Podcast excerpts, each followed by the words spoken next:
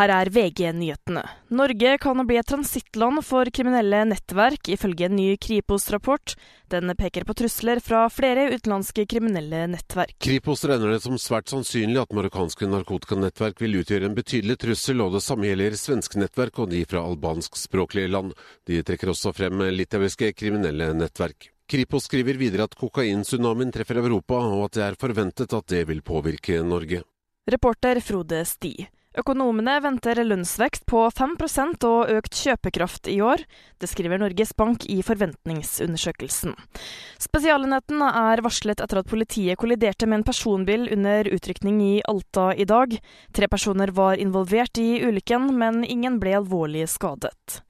Viaplay vil lansere et strømmeabonnement med reklame, og samtidig gjøre det vanskeligere å dele abonnement med andre, det skriver Kampanje.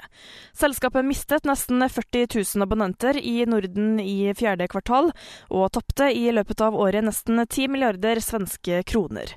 I studio Miriam Alsvik, nyhetene får du alltid på VG.